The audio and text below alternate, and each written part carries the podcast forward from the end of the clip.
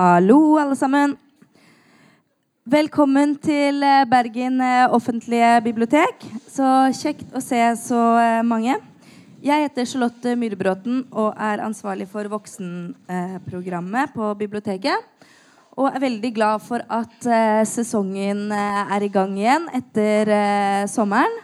Katalogen vår har kommet. Den kan dere finne på de store hyllene der når dere går, så dere kan holde dere oppdatert på eh, eh, høstens eh, program, fordi det skjer gjerne én, to, tre og fire og fem ting samtidig på huset nesten eh, hver dag. Men først nå så gleder jeg meg til denne lille timen. Vi har fått besøk av Busha Isak, som er norsk lege, forfatter og forsker. Og hun har engasjert seg eh, spesielt i eh, interkulturell dialog. Det er veldig mange priser og utmerkelser eh, som man kan eh, snakke om. Nevner noen. I 2010 fikk hun Fritt Ords eh, pris. Hun har eh, blitt pekt ut som et forbilde man må se opp for. Norsk kvinnesaksforening har gitt henne en pris. hun er spaltist og en eh, særlig aktiv eh, debattant. Hun har også gitt ut eh, flere bøker. Vi kan komme litt innom ikke bare denne her, som er jo den som dere sikkert har lest i eventteksten. Hvem snakker for oss? Muslimer i dagens Norge. Hvem er de, og hva mener de? Hun har også gitt ut en bok om eh, mer direkte på tro, som kanskje også kommer litt eh, innom eh, mot slutten. Men det er nok sikkert uh, alle som er her, har uh, fått uh, lest den fine boka ennå. Så jeg tenkte vi egentlig kan bare starte litt sånn litt åpent. At den boka her tok fem år å lage. Du har snakka med 845 norske muslimer. Hvorfor trengtes denne boka, eller hvor kom dette prosjektet? Hva spirte dette her ut ifra? Altså, det begynte egentlig helt tilbake til da jeg fikk eh, Fritt Ords ærespris i 2010. Da mm, er det litt sånn eh, typisk norsk offentlighet at eh, redaktører og forlager er litt ute etter navn som har vært litt i mediene. Og så var det forlags, forleggeren Anders Heger i Cappelen Dam som ville ha en bok fra meg. Og det jeg svarte han, var at jeg kan gjerne skrive en bok eh, eh, selv, men jeg vil ikke skrive om meg selv, men gjerne fortsette i det forsettet jeg har hatt i norsk offentlighet gjennom eh, dialog, hvor jeg føler at mye av det engasjementet mitt handler om å skape innsikt for det flerkulturelle eh, Norge, og, og, det jeg kaller en bærekraftig norsk identitet. Um, så eh, og, og, litt sånn i forhold til sant, Jeg driver med sosialmedisin, og i medisinen så er vi oppdratt til at ting skal være kunnskapsbasert. Uh, og etter å ha vært i norsk offentlighet i ti år, så føler jeg at det sies veldig mye om muslimer uh, og islam. Um, det er gjort en del det vi kaller kvalitativ forskning, intervjuforskning. Men det er ikke gjort noen befolkningsstudier som helhet i Norge om muslimer. Så jeg sa til eh, forleggeren min Anders Heger at eh, jeg har veldig lyst til å gi det frie ordet til majoriteten av muslimer. Den tause majoriteten som vanligvis ikke kommer til orde i norsk offentlighet. Eh, gjennom to befolkningsundersøkelser. Og så så han litt rart på meg. Ja, men Det var en kjempegod idé, men det har jeg ikke penger til. Hvis du får penger, så publiserer jeg gjerne boken. Så jeg brukte to og et halvt år til eh, å gå rundt med en bøsse til ulike private stiftelser for å finansiert befolkningsundersøkelse. Og så nedsatte jeg en referansegruppe bestående av eh, landets beste forskere på feltet. For jeg var veldig ydmyk med min fagbakgrunn, selv om man er etter syv års eh, skolegang kvalifisert nok til å gjøre befolkningsstudier, så var jeg veldig opptatt av at dette skulle gjøres ordentlig. Så jeg ga oppdrag til TNS Gallup, som gjør de fleste eh, barometerne i eh, samfunnet vårt. Og så var det den referansegruppen eh, bestående av forskere som professor Tolkel Brekke professor Oddbjørn Lærvik, professor Thomas Hylland Eriksen, seniorforsker eh, Lars Østby fra SSB, førsteamanuensis Asbjørn Johannessen fra HiO. En veldig bred faggruppe som var med på å kvalitetssikre det arbeidet, sånn at vi visste at eh, den kunnskapen vi leverer i form av boken, er, er noe man kan tro på. Uh, og så gjorde jeg en del feltarbeid, for boken min er delt i tre deler. Uh, det første handler om hvem muslimer egentlig er. Det andre handler om demokrati og politisk styresett. tredje handler om muslimske kvinner, hva de ønsker. Og så handler det om eh, terror og radikalisering. Og da var jeg litt opptatt av å gjøre en del feltarbeid. Så jeg har vært, sneket meg inn i Saudi-Arabia og intervjuet både arbeidere og kvinner der. Intervjuet Malala, store muslimske forbild, kvinnelige forbilder som Malala Yousufzai. Men også en del miljøer i Norge som kan si noe om eh, hvordan vi kan danne denne norske islamen som vi veldig gjerne ønsker. Hvor man har en klar lojalitet til norsk kultur, norske verdier, men også evner å praktisere og leve ut troen sin. Du kan jo kanskje gjerne lese litt eh, innledningsvis, så man eh, får et uh, visst inntrykk av hva slags stemning og hva slags type bok dette her er. Hva vil du lese først? Jeg kan lese de første, eh, den eh, fra første siden i boken, som er litt utgangspunktet i hvorfor jeg skrev denne boken. Eh, og Da begynner jeg med et sitat fra min kristne venninne, som sa til meg en gang vi skulle sitte sammen og skrive en tekst um, i forbindelse med den interreligiøse dialoggruppen vi sitter i. Og Hun sa til meg Bushra, du trenger ikke å si hva islam ikke er. Kan du ikke si for en gangs skyld hva islam egentlig er. Eh, og Det er litt utgangspunktet jeg har i den boken, eh, hvor jeg prøver å demokratisere den norske samtalen om muslimer og islam. Eh, hvor tanken var å gi de samme spørsmålene om demokrati, kvinners rettigheter, terror og radikalisering til en gruppe muslimer og en gruppe ikke-muslimer. Og prøve å se hvor ulike er vi? Eller hvor like er vi? Og om det vi har til felles, er nok for å danne det jeg kaller det bærekraftig norske identiteten. Hvor vi har et grunnsett av verdier bestående av menneskerettigheter eh, og eh, et velferd, velfungerende liberalt demokrati, men samtidig som vi har plass for et mangfold. Vil du lese litt til eh, helt eh, innledningsvis, bare? Ja, det kan jeg gjøre. Um,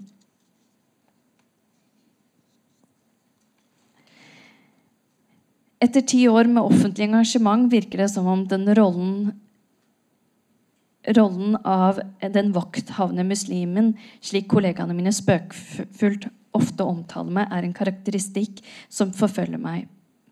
For selv om jeg har vært blant brannslukkerne i de hete debattene om islam de siste årene har mitt forsett også vært å forsøke å sette dagsorden i det offentlige ordskiftet, heller enn utelukkende å følge de forhåndsbestemte premissene om angrep og svar. Dette forsettet ligger i ånden til min generasjon unge muslimer, som ikke ønsker å bli karakterisert som ofre, men snarere eh, være en, del, en aktiv del av samfunnet og bidra til å definere den norske identiteten. Og det er litt det jeg føler veldig mange eh, av oss eh, befinner seg i en, i en, vakuumrolle. Og jeg kaller det vakuumrolle fordi veldig mange av oss prøver å sette premissene på samtalen, men vi føler vi ikke kommer oss dit vi ønsker. Altså Hvis vi ser den offentlige norske samtalen, så er samtalen veldig polarisert rundt muslimer. Ifølge medieselskapet Retuver så ble muslimer omtalt 77 000 ganger i norsk presse i 2009, hvor 70% av omtalene var negative. Og jeg prøvde å følge eh, denne statistikken eh, i boken min, hvor jeg eh, også brukte medieselskapet Retuver, som viser at tallene og antall treff om muslimer stiger. I 2014 overgikk vi omtalen av statsminister Erna Solberg. Og det Samtidig som forskerne sier at eh, muslimer er underrepresentert i norsk offentlighet. Og det er en sånn viktig paradoks. Du snakker veldig mye om en gruppe som egentlig ikke kommer til uttrykk. Eh, vil si de som kommer til uttrykk, består ofte av ytterkantene. Det er ofte de som gjør noe negativt med muslimsk bakgrunn, som setter normene. Eller så er det de andre ytterpunktene som har brutt med, med, muslimsk tro, og som har veldig mye på hjertet, som må kommes frem også. Men midt i dette spekteret så mister du hverdagsmuslimen og helt vanlige muslimer som meg. Eh, og den tause majoriteten som ønsker både pose og sekk. Både være en del av det norske og kunne få lov til å beholde sine verdier. På slutten av boka så ligger jo denne spørreundersøkelsen eh, hvor folk kan se hva eh, de ble spurt ut om. Kan du si litt om det, og litt si, si noe om de eh, funna eh, du fant, og hvordan kanskje dette her eh, ikke helt stemmer overens med disse, denne medieomtalen du nevner, og alt det negative eh, dette opphenget norske medier kanskje har i muslimer? Altså, et et av de mest overraskende funn for meg da, var eh, da vi trakk utvalget. altså Det er ikke gjort noe sånt før eh, i Norge. SSB gjør en del undersøkelser om innvandrere. Eh, men de har ikke gått på muslimer som en spesifikk gruppe. Så vi, var, vi, trakk et helt blindet utvalg. Dvs. Si at um, verken TNS Gallup, noen av forskerne eller jeg kjente til hvem som skulle svare. Helt tilfeldig gjennom um, et selskap som heter Every, som trekker tilfeldig utvalg. Uh, og vi trakk utvalg uh, av mennesker som enten har innvandret fra muslimske land, eller har foreldre som er innvandret fra Eller besteforeldre som er innvandret fra muslimske land. Um, og, av, og, så, og, så, måtte vi jo bekrefte, eller få avkreftet, om disse eh, individene med såkalt muslimsk bakgrunn var egentlig muslimer. Så det første spørsmålet i undersøkelsen var eh, betrakter du deg selv som muslim. Eh, og vi var veldig opptatt av at vi skulle ikke definere hva det vil si å være muslim. Det er så mange definisjoner av kulturell muslim, eh, praktiserende muslim, konservativ muslim. Eh, så vi var veldig opptatt av å gi definisjonsmakten til respondentene jentene.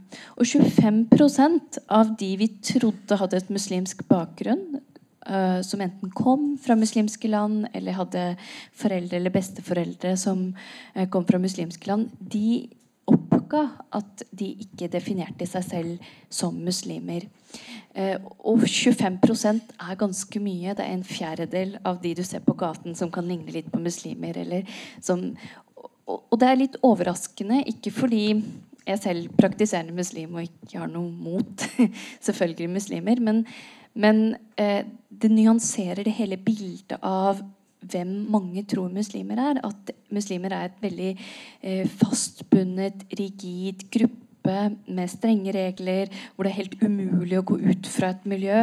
Og det er de, Altså det, det, er, det er veldig er helt riktig å tro på de menneskene som sier at det er vanskelig å forlate eh, islamsk tro, eller, eller, eh, eller, å bryte med normene.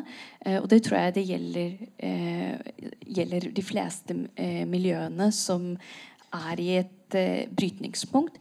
Men det gjelder nødvendigvis ikke alle. Så 25% av de vi trodde var muslimer, var ikke lenger muslimer. Og det viser litt sånn at muslimer er en litt dynamisk gruppe. Og det er, det er da jeg skriver 'Hvem er disse muslimene?'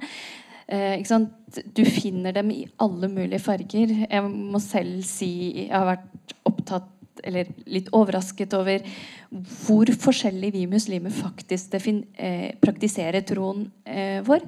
jeg husker en gang jeg var nyutdannet lege og jobbet på skadeseksjonen i Oslo sentrum en lørdagskveld med masse fyll og Eh, bråk. Og så behandlet jeg en kuttskade hos en mann som så ut som han hadde bakgrunn, samme bakgrunn som meg. Og det var midt i ramadan. Han kom inn full. Og så etter at jeg hadde lappet han sammen, spurte han meg «Eh, Vet du når soloppgangen er? og så i hvert fall gått med promille. Så sa jeg ja, jeg måtte bare hjelpe han. Og så, ja, Han skulle begynne å faste nå, da. ikke sant? Eh, poenget mitt er Og så har jeg sett bilder av muslimske jenter med skaut som DJ i nattklubb i eh, England, da jeg jobbet der. Det bildet man har av muslimer, er mye mer nyansert. Eh, og mye mer eh, eh, altså ut, mangfoldig da, enn det mange tror. Eh, og jeg ble også overrasket over? Eh, boken fikk en del medieomtale, for det var så tydelig. Eh, tydelig støtte til det vi kaller norske verdier i boken. og det kunne man liksom ikke helt tro på. jeg husker boken min skulle komme ut på mandag, og så på fredag så var det debatt om metode. For det, dette var for, sant, for, godt til å være sant, eh, ble det sagt. Og da har jeg vært litt opptatt av å henvise til forskerne at eh, ja, vi gjorde et uttrekk, tilfeldig utvalg i folkeregisteret, fulgt de vanlige vitenskapelige spillereglene eh, for slike undersøkelser. Og så har vi gjort et frafallsanalyse og sett at det er ikke de best integrerte som har svart. Vi har spredning i ulike aldre. Vi har geografisk spredning, ikke bare Oslo-folk som svarer. Vi har etnisk spredning. Eh, vi var bl.a.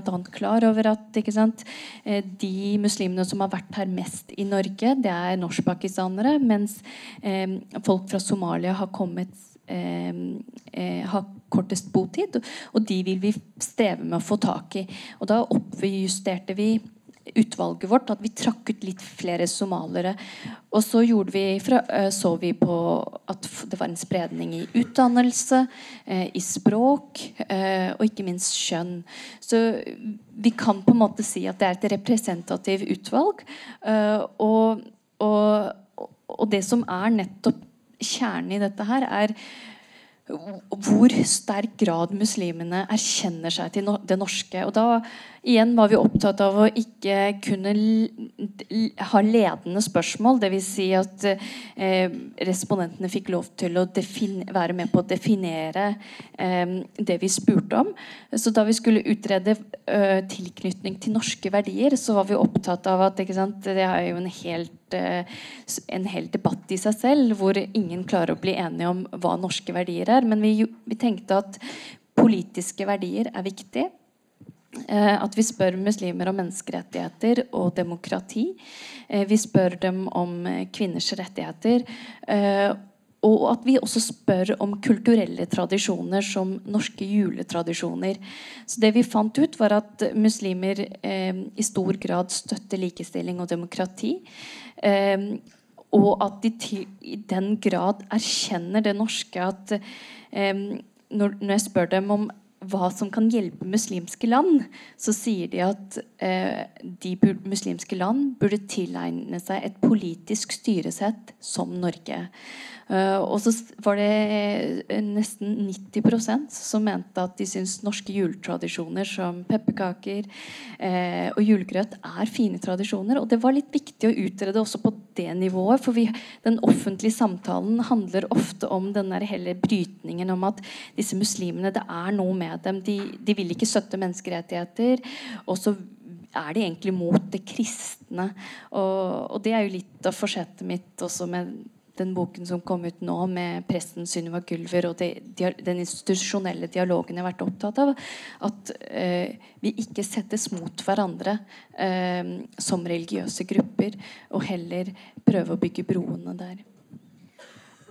Ønsket om å skrive denne mm, boka baserer seg noe på egne fordommer du har opplevd eh, som eh, muslim i Norge? Var det litt sånn at nå er du fedd opp på en måte forklare og forsvare? og at du på en måte, Den er jo litt, litt, også litt sånn Kan jo lese en sånn litt sånn historisk innføring og litt sånn ordbok og eh, litt sånn ABC, hvordan ting egentlig er. Og eh, demontere litt myter og sånt nå. Eh, er det liksom noe personlig der, eller var det forskningsmessig ærend du var uh, ute i? Altså det, jeg må ærlig innrømme at det er begge to. Eh, altså jeg, da jeg ble spurt om den boka, så sa jeg at nei, vil jeg ikke være talsperson lenger. Jeg vil ikke være den vakthavende muslimen eh, som hele tiden skal rykke ut og svare for folk. Jeg må la, Kan ikke bare muslimene selv svare for seg selv? Eh, og da var jeg litt sånn opptatt av at eh, ja, dette det skal nyansere. Eh, jeg vel litt opptatt av å eh, at det ikke skulle bli farget av hva Bushra er mest opptatt av. Det er helt klart at jeg er veldig opptatt av som muslimsk kvinne om feminisme.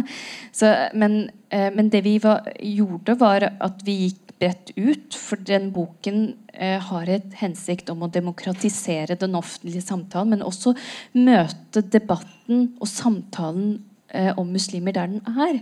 At veldig mange som ikke kjenner muslimer, som er skeptiske til islam Og det er det grunn til å være, tenker jeg, i forhold til det verdensbildet man ofte har. Eh, at folk fikk svar på det de ønsket. Eh, og da var det å gå inn i ganske ubehagelige spørsmål som dette med Da vi skulle utrede holdninger til demokrati, så kan vi ikke gå ut fra at vi har muslimske land i verden som både er udemokratiske, totalitære, kvinnefiendtlige, og at disse begrepene som sharia, jihad, eksisterer i stor grad blant muslimske ekstremister som de bruker aktivt. Og hvor er det hvor, hvor er, Hva mener norske muslimer om dette her, og hva ligger i dette innholdet? Så eh, vi, vi prøvde å se tydelig på hva eh, norsk offentlig debatt har vært opptatt av. Hva eh, etniske nordmenn, ikke-muslimske, syns er problematisk ved muslimer. Eh, og, det ble, det ble, og, da så vi på forskning, da. Og det var stort sett kvinnespørsmålet. Det var terror.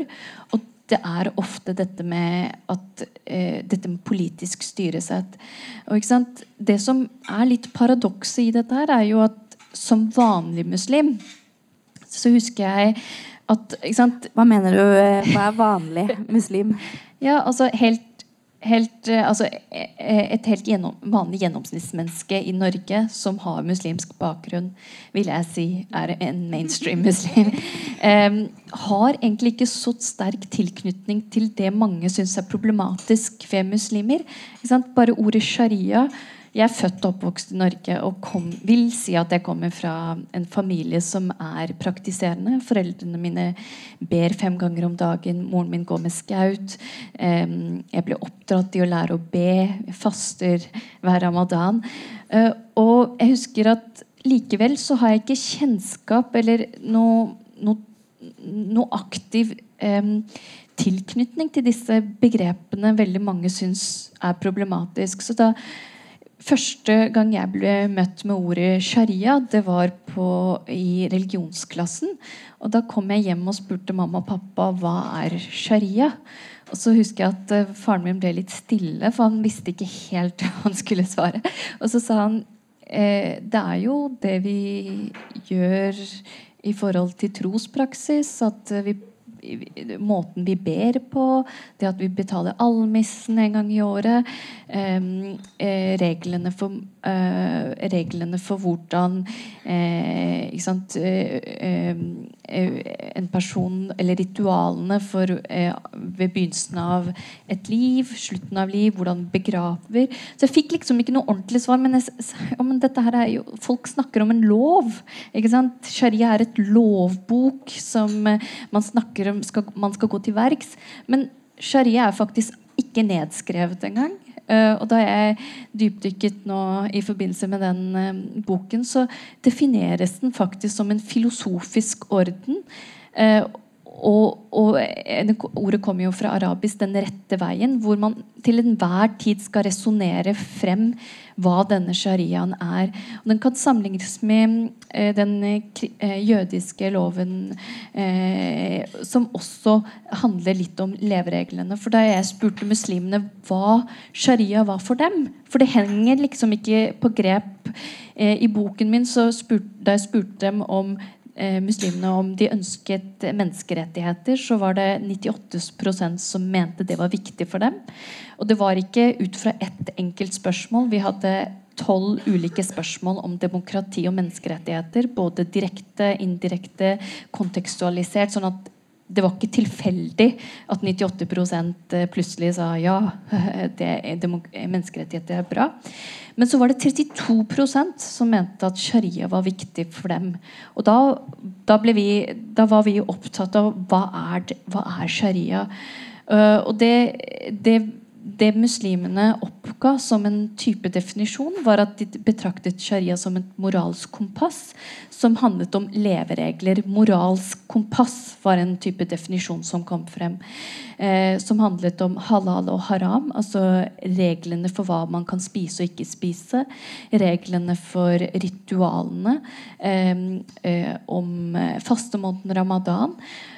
Men så vet vi sant, at eh, sharia blir jo brukt aktivt som et konsept, et, eh, et, juridisk konsept i mange såkalte muslimske land, hvor vi ser disse lovene som eh, eh legemsbestraffelse, hvor man kapper av hender i Saudi-Arabia, steining.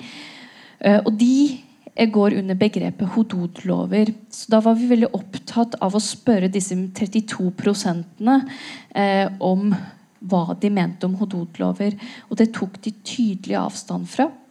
Og Da er du litt inn på den teologiske brytningen. fordi innen islams teologi så er det uenighet om hva, eh, hva sharia eh, Altså hva, disse hododlovene. Men man vet at sharia er et type eh, kompass Altså lov i lovbok, men ikke i politisk forstand, men et mer eh, moralsk lov eller regler vil man eh, oversette til. Og Det er veldig interessant. For, og Det samme gjorde vi med jihad eh, og kvinnespørsmålet. Vi har den evige debatten om dette med kontantstøtten i norsk eh, politisk sammenheng, hvor man hele tiden føler at politikerne skyver disse såkalte innvandrerkvinner, og da inkludert meg, da, til at vi ikke er interessert i å jobbe, og særlig vi ikke, hvis vi får barn. Så jeg var veldig opptatt av å, å spørre både muslimske kvinner og eh, muslimske menn om hva de mente om likestilling. Eh, og det var veldig mange ulike og overraskende svar på det.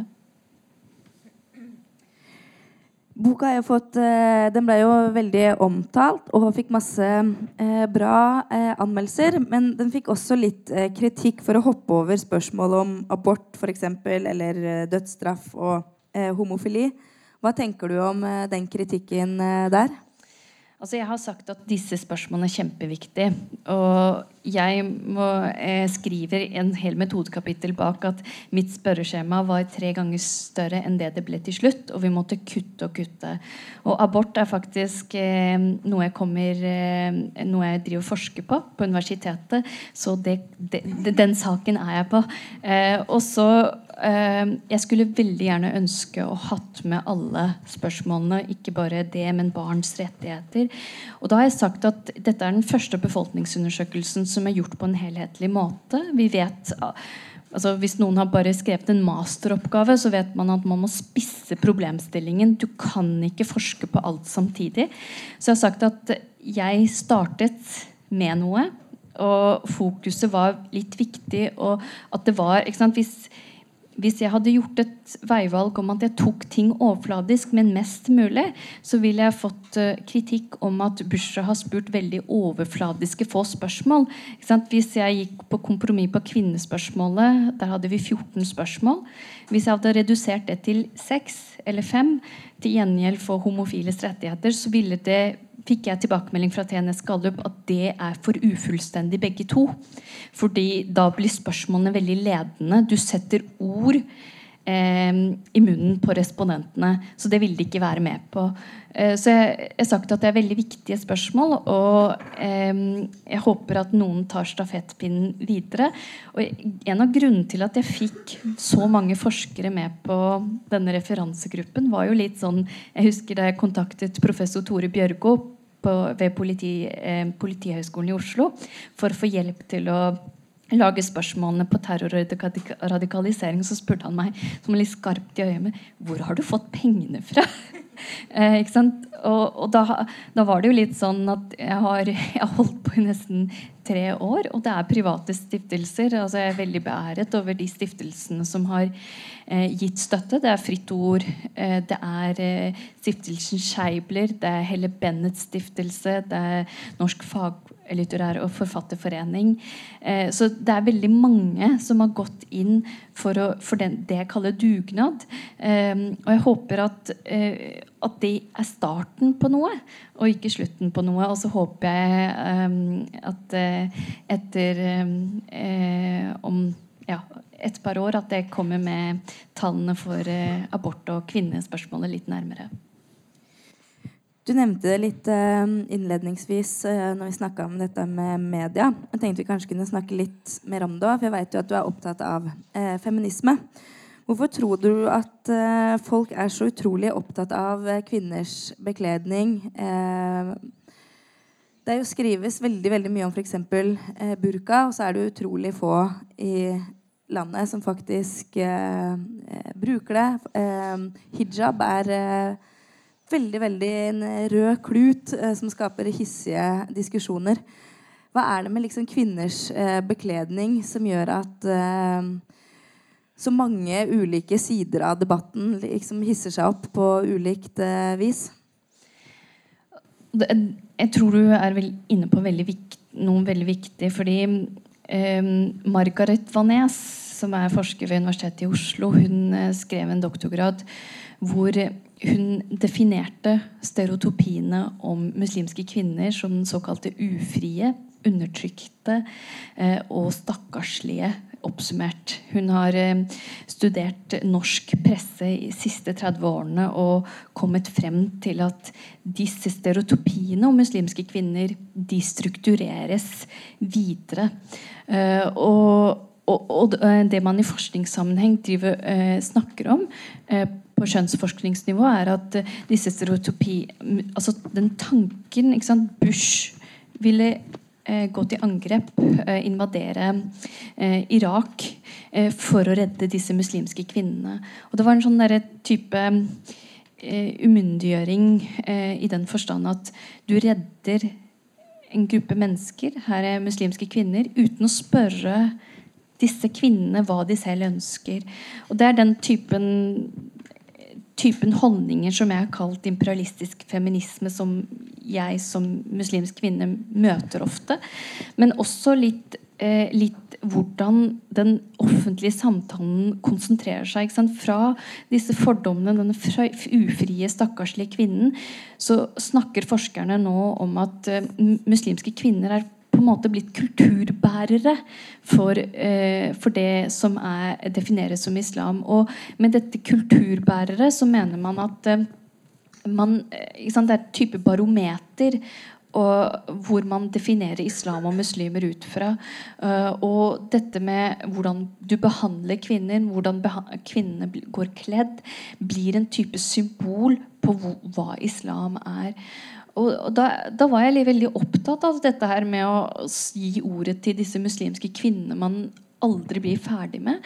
Um, og jeg sier jo at boken min kommer med veldig mye altså, Ikke bare har vi tall, for, første gang tall for antall politisk radikaliserte muslimer, men vi har også tall eh, på andelen muslimske kvinner som går med hodeplagg. Og jeg har spurt dem hvorfor de gjør det, om de blir tvunget til det. Eh, og det er litt viktig i den forstand at jeg, jeg, har, jeg, har, prøvd å påpeke litt i, i offentlig samtalen tidligere at jeg, mener at vi er på et brytningspunkt nå. Eh, og særlig når det gjelder muslimske kvinner. Fordi når du ser den sosiale mobiliseringen som har vært blant muslimer i Norge, så er den helt eksepsjonell. Det sier man, eh, det sier norske politikere og en, eh, forskere. Altså Fra én generasjon, representert ved pakistanske innvandrere, som kom fra 70-tallet, til deres barn. altså Bare på én generasjon så har de gått fra de såkalte arbeideryrkene, hvor bl.a. faren min kom som arbeidsinnvandrer, gikk langs eh, Akerselva og fikk en jobb i fabrikken eh, eh, i Oslo, til at hans datter, jeg er lege, og at de fleste norskpakistanere som er annen generasjon, har tilegnet de såkalte Ali-yrkene, hvor A står for advokat, L for leger og I for ingeniører. Og det, det er eksepsjonelt eh, fordi det har gått over én generasjon. Det er en helt massiv mobilisering som hvis du tenker over er ganske stort. Og Jeg har kalt det et sånn brytningspunkt fordi eh, tall fra SSB viser at muslimske kvinner er overrepresentert i akademia. Det vil si at muslimske kvinner tar høyere utdanning i større grad enn sine etniske norske medsøstre. Så de har gjort en innsats for å bli en del av det norske samfunnet. Men veldig mange av oss møter en dør etter endt utdannelse, nemlig inn til arbeidslivet. Hvor jeg senest eh, forgår snakket med en venninne av meg som går med skaut, og som sliter veldig med å få jobb. Eh, først så hadde hun bilde av eh, seg på CV-en, som var noe hun fikk anbefalt ved karrieresenteret på universitetet. Uh, og da hun hadde det bildet, så ble hun aldri innkalt. Hun fjernet det bildet, og så fikk hun flere, eh, flere eh, jobbintervjuer. Men eh, ekstrem paradokse spørsmål hvor hun på en måte blir spurt om hvor mange barn hun skal ha, hvem hun skal gifte seg med, om hun kan få uh, lov til å jobbe overtid, om hun kommer til å bruke ansiktsplagg.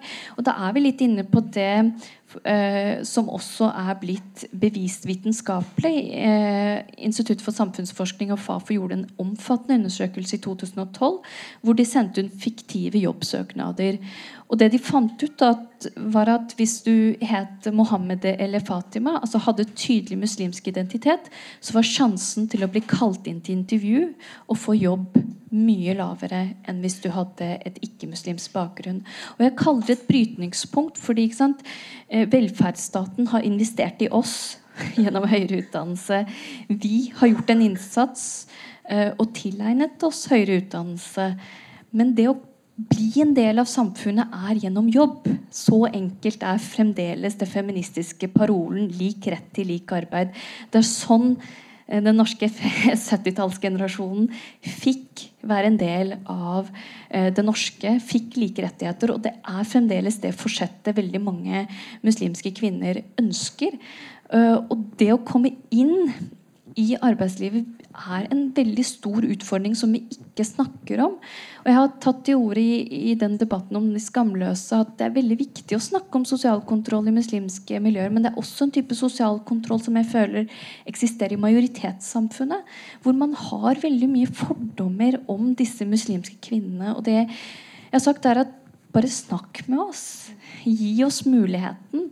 Og selv om hun går med skaut, når hun har søkt på en stilling, så vet hun hva det går ut på. Hun er ikke helt dum etter å ha sittet på skolen i fem-seks år og ikke vet hva hun søker på. Uh, og at vi får nyansert det bildet. Ja, det er veldig mange som er, har måttet gått en likestillingskamp og brutt med eh, religionen. Men det er også en stor del av oss muslimske kvinner som har kjempet rettighetene våre på våre egne premisser. Og da er jeg litt inne på i boken min hvor jeg kaller kjempe, 'bekjempe teologi med teologi'. Eh, og det føler jeg at det er en reise jeg har vært med på. I den klassereisen fra arbeiderklassen til eh, de såkalte statusyrkene, så har da jeg var, har vi gått gjennom en prosess eh, som har kostet oss en del. Altså, eh, Malala Yousafzai, da jeg intervjuet henne og spurte henne om hun betraktet religionen som et problem, så sa, eh, så sa hun eh, Så så hun skarpt på meg og så sa, eh, sa, litt sånn som om jeg var en sånn islamkritisk journal, forfatter. Da, så sa hun at Vet du hva Koranen åpner med? Det står 'Les i Guds navn' uten at Gud skiller mellom kvinner og menn. Så og det som er veldig interessant, er jo at hun bruker koranvers akkurat som Taliban bruker koranvers. Og det er litt av den globale kvinnekampen som skjer veldig mange steder. I Muslimsk studentsamfunn, som jeg var leder for Blind, da jeg var student på Universitetet i Oslo, så hadde vi seminarer som aktivt gikk inn på disse problemstillingene om tvangsekteskap, retten til høyere utdannelse, retten til yrkesliv. Og jeg husker at uh, to av kollegaene våre hadde lyst til å gifte seg eh, imellom. Og, og, så var guttens familie veldig opptatt av kastesystemet, som fremdeles praktiseres i Pakistan, eh, som er egentlig en indisk tradisjon. Eh, en førislamsk tid. Og de, han de fant jo frem haditter og koranvers hvor, som både fordømmet kastesystemet, men også gikk på retten til å velge ektefelle. Og sånn har veldig mange muslimske kvinner og menn kjempet frem både når det gjelder retten til yrkesliv. I boken min så Grunnen til at jeg snakker om bekjempe teologi med teologi, er jo at jeg tror ikke religion er eh, noe enhetlig størrelse. Jeg sier ofte at det fins ingen fredelig islam. Akkurat som det ikke fins noe voldelig islam. Men det fins fredelige muslimer, og det fins voldelige muslimer. Og religionen er alltid et resultat av de menneskene eh, som praktiserer troen, og hvordan de realiserer det. Og jeg kan finne kilder til både kilder, eh, islamske kilder hvor kvinnen har vært aktiv del av samfunnet. Altså tidlig, Jeg refererer til forskning til Nadvi ved Oxford, hvor han har funnet 3000 muslimske eh, navn eh, på kvinner som var islamske teologer. Og samtidig så har du haditter som sier at uh, profeten ville bare at datteren hans skulle være i hjemmet. Så, så, så, poenget mitt er at religion er noe som er et resultat av veldig mye forskjellig. Og at muslimer kan bruke også teologi til et frigjørende kamp. Og at det er mulig å forene menneskerettigheter, demokrati, med islamsk troslære. De siste ti åra, eh, har det blitt lettere eller vanskeligere å være muslim, tror du? Du nevner jo mange positive ting om den skamløse skamløse bølgen, eh, at eh, feministisk frigjøring. Men har det også blitt mer fremmedfrykt og eh, rasisme? Går du liksom framtida lyst i møte, eller har det liksom blitt verre med f.eks. IS de siste åra? At fordommer og eh, rasismen blir sterkere? Altså På én side så syns jeg vi er på rett vei eh, som et samfunn. Altså, vi er utrolig privilegerte i, i, norsk kontekst. Jeg pleier å si at vi har klart den klassereisen av to grunner. Det er den norske eh, verdigrunnlaget, hvor vi har dette velferdssamfunnet som gir folk rett til utdannelse uansett hvem de er. Da jeg søkte inn på universitetet eh, i Oslo å, på medisinstudiet, så ble ikke mitt navn, min, min, religiøse bakgrunn eller min fars inntekt tatt i betraktning. Det eneste som teltes, var eh, eh, innsatsen jeg hadde gjort på videregående skole. Eh, og det er helt annerledes bare fra England, hvor du har skolepenger og du må gi noe som heter personal statement. Og den, det norske systemet har vært utrolig viktig og Det er derfor jeg hyller på en måte norske verdier. Og, og, mener at veldig mye av det humanistiske er å finne også i det islamske. Og at det er så viktig for oss, den nye generasjonen muslimer, å aktivt prøve å forene det. Um, og det andre grunnen til at vi har klart det, er også at muslimer er åpne. At vi, jeg ser troen min som en ressurs til det humanistiske, samtidig som jeg vet at det er deler sant, i, i, troen som man må ha et aktivt forhold til. Dette med voldsspråk. Men det fins også voldsspråk i andre kristne eh, tekster, og for så vidt andre religiøse tekster. Men så er det noe med hvordan offentligheten altså Jeg føler ofte at for meg så som en offentlig person så blir det et utrolig stor sprik gjennom hverdagslivet mitt. Hvor jeg føler at jeg har sant, De fleste vennene mine er etnisk norske og er veldig glad i meg. Og jeg er ikke veldig glad i dem, og jeg føler meg veldig norsk. Men, men når jeg ser på det norske offentligheten, så føler jeg at det er ganske dystert. Um, og at det sies mer og mer om muslimer på en måte som man ikke ville sagt for ti år siden. Og at det er vanskeligere å være muslim hvor man hele tiden skyver disse muslimene foran seg uansett hva det handler om. Kontantstøtten, om det er noe med ytringsfrihet, om det er noe med kriminalitet, så er hele tiden man sånn underliggende Dette er disse muslimene som truer velferdsstaten vår.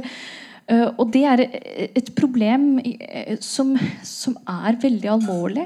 Uh, fordi hvis du ser på statistikken, så Bl.a. Holocaust-senteret og IMDi gjør jo jevnlig undersøkelser som kartlegger holdninger ikke-muslimske nordmenn har til ulike religiøse grupper. Og i, i IMDis siste barometer, så, integreringsbarometer, så svarte nesten uh, over 40 uh, nordmenn at uh, de mente at tru, verdier innen islam truer norske verdier. Og Holocaust-senteret, som kartlegger holdninger til ulike religiøse grupper, jøder, muslimer, fant både i 2012-undersøkelsen og 2017-undersøkelsen at uh, den gruppen eh, nordmenn var mest negative til, det var muslimer. Uh, og at de viste stor grad av det man kaller sosial distanse. Og da er man litt, litt inne på sant, andre nivåer. Hatkriminalitet det har vi ikke noe nasjonale tall på, men vi har tall fra Oslo hvor Eh, det viser seg at muslimer er overrepresentert. og da har jeg også prøvd å liksom påpeke Særlig er det kritisk for muslimske kvinner som går med skaut. Og, og når vi går mot nå vinterstid, at de opplever særlig i Oslo er det et problem at de opplever eh, både fysisk trakassering, men også eh, hendelser av hatkriminalitet hvor det blir spyttet på. Og i en del av bydelene hvor det er eh, lange sånn T-banelinjer, så snakker muslimske jenter om å gå sammen. Uh, og en av de tingene som jeg har synes har vært veldig urovekkende, er at veldig mange av muslimske kvinnene, særlig med skaut, har spurt om selvforsvarskurs.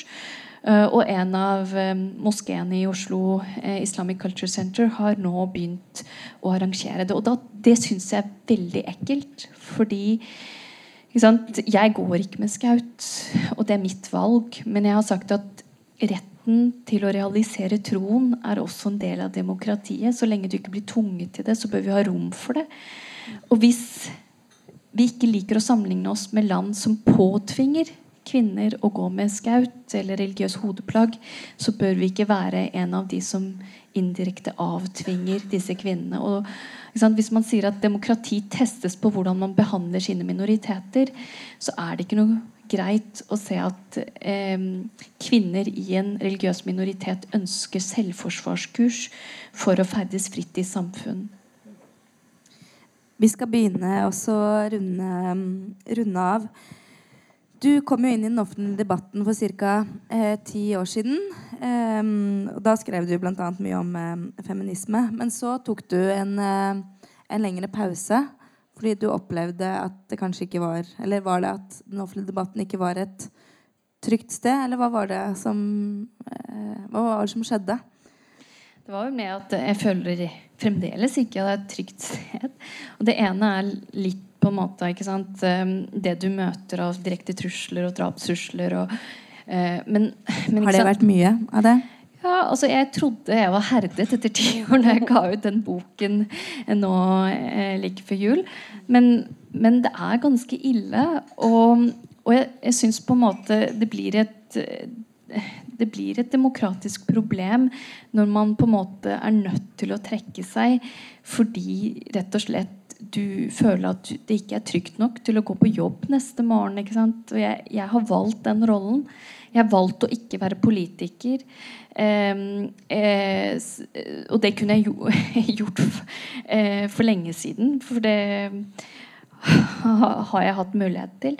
Men jeg har hatt et ordentlig forsett om å være en fri stemme som snakker på en litt mer kunnskapsbasert måte, og at mitt forsett handler om å nyansere det bildet man har av det, den typiske muslimen. Og da er du litt sårbar, for da har du ikke et sikkerhetsapparat rundt. Selvfølgelig har du politiet, men når det går på, tids, på et nivå hvor politiet også ikke makter å beskytte deg, og du blir redd for dine nærmeste, så må du faktisk tenke det som er viktigst, og det er liv og helse. Og, men, jeg, men, jeg, prøver å ikke snakke så veldig mye om det, for jeg tenker at det har vært veldig mye fokus rundt hvordan det er å være eh, kvinne. Uh, men jeg føler at mange undervurderer dette her. fordi jeg føler, um, liksom Det ene er at jeg føler at jeg provoserer veldig mye fordi jeg er kvinne. Men jeg provoserer også veldig mange fordi, um, fordi jeg er muslim. Og at jeg ikke passer inn i den, den derre stereotopien. ikke sant? Altså, jeg blir definert av eh, ytre høyrefløyen, antimuslimske fløyen, som å være den, den farligste islamisten av alle. Og jeg er farligere enn de nikab-kledde og de, de ultraortodokse. Fordi du virker norsk. Og, ja, fordi ja. jeg driver og lurer folk eh, med, med, fasaden min. Og jeg er beskyldt for et annet uh, begrep som jeg ikke kunne før. Var ikke sant, uh, Takia uh, blir jeg beskyldt for. Og det visste jeg heller ikke hva var. Og det, det, da jeg spurte foreldrene mine om takia, så sa de det vet vi ikke. Så jeg måtte bare google det. Og takia er visst et, et, et, et begrep som ble brukt i historisk sammenheng når det gjelder eh, sjiamuslimer. Hvor man teologisk, islamske teologer ga sjiamuslimene rett til å lyve eh, når det gjelder identitet. At eh, Hvis noen spurte at de var muslimer, så kunne de bare si at de ikke var det. Fordi det, de kunne bli forfulgt. Eh, og da, da, er du litt inne på hvor, hvor sterk grad av eh, mistillit man har til mennesker. ikke sant? Og, um, jeg, var, jeg var og gjesteforeleste gjesteforelestet i, foreleste i, på Høgskolen i Volda Eh, for noen uker tilbake. Og da var det en, eh, en som kom etter, eh, etter forelesningen og sa at Nei, jeg tror ikke på det du sier. Og så prøvde Og jeg kan ikke tro at den undersøkelsen din stemmer. Og så, liksom, så, prøvde jeg å forklare så godt som mulig hvordan vi hadde gjort undersøkelsen, at det var vitenskapelig. Og så sa han at Nei, det tror jeg ikke på. Og han var mest opptatt av å spørre meg om jeg tilhørte de såkalte Mekka-muslimene eller Medina-muslimene, som er en inndeling eh, ideologen til Anders Behring Breivik Fjordmann har brukt, at muslimer inndeles i Mekka- og Medina-muslimer. En ny konseptutvikling som jeg føler at ikke har hørt om, men de mener at eh, Koranen er inndelt i Mekka og Medina-suraer, og at de eh, Mekka-muslimene Mekka er mye farligere enn Medina-muslimene. Men Medina-muslimene er også farlige, så du kan liksom ikke Så sa jeg at du, jeg kjenner ikke til den inndelingen, og jeg lest Koranen. Jeg tror på liksom Jeg leser hele Koranen når jeg leser den, og jeg velger ikke ut noen soraer. Og jeg tilhører sunni. Men han kunne ikke tro tro på dette her, da. Og, og, og, og, det han mente, var jo at islam er en sinnslidelse og mer en voldsideologi enn religion. Og da står du der som en muslim som er helt målløs. Det, det, hjelper ikke å vise til undersøkelsen eller kunnskapen. Det hjelper ikke å vise til min personlige historie. At jeg lover deg, jeg tror på demokrati. Det endte opp med at han bare slang boken i ansiktet mitt og gikk. ikke sant? Og da er vi litt Hvor, hvor er vi, og hvor skal vi? ikke sant? Hvis vi som muslimer, ikke-muslimer, eh, nordmenn med ulik bakgrunn ikke kan tro på hverandre, ikke sant? Da, da, er, da, da ligger vi ganske dårlig an. Og jeg tenker at det begynner med en tillit eh, om at og en verdighet om at vi klarer å se hverandre som mennesker. At jeg er først og fremst Bushra. Først og fremst en norsk kvinne. Og så er jeg, er jeg muslim i tillegg. Og det er jeg litt opptatt av. fordi jeg prøver å advare i boken min at jeg er redd for at vi er i ferd med å religionifisere en hel generasjon muslimer. Og igjen, jeg er ikke redd for at folk praktiserer islam, for det gjør jeg selv. Men når barn helt ned tre, i tredje klasse kommer hjem til foreldrene sine og spør hvordan kan jeg forklare eller forsvare til klassen min og læreren min at islam ikke er kvinneundertrykkende, så blir den tvunget inn i islams teologi på et altfor tidlig stadium. Uh, og og, Hvis foreldrene ikke har de svarene som trengs, hvor skal disse barna søke etter resultater? Boken min er andre boken som er skrevet om muslimer eh, eh, av norsk muslim.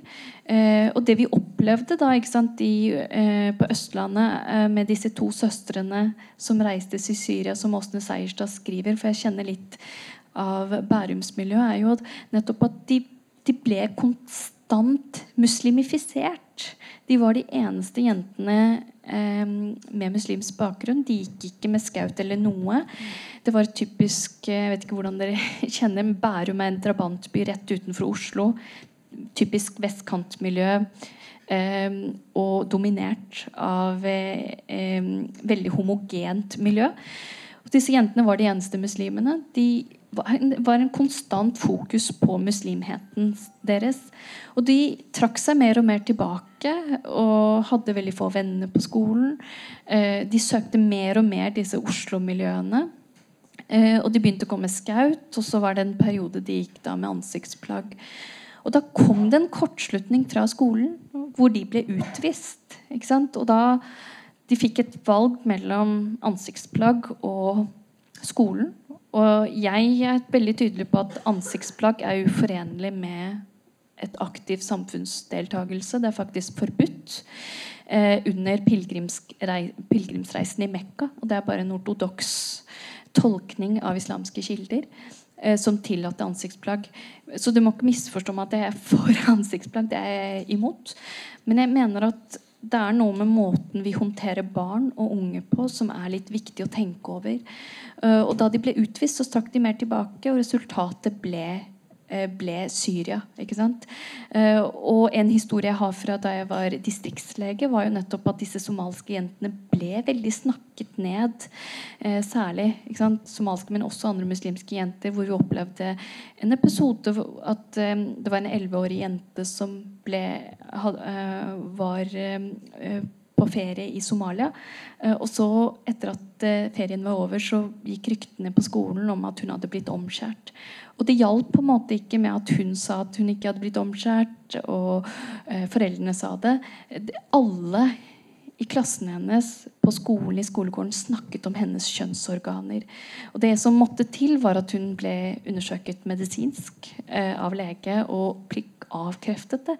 Men allerede da så har du satt premissene for det barnet du er muslim først og fremst. Du er ikke som norske barn.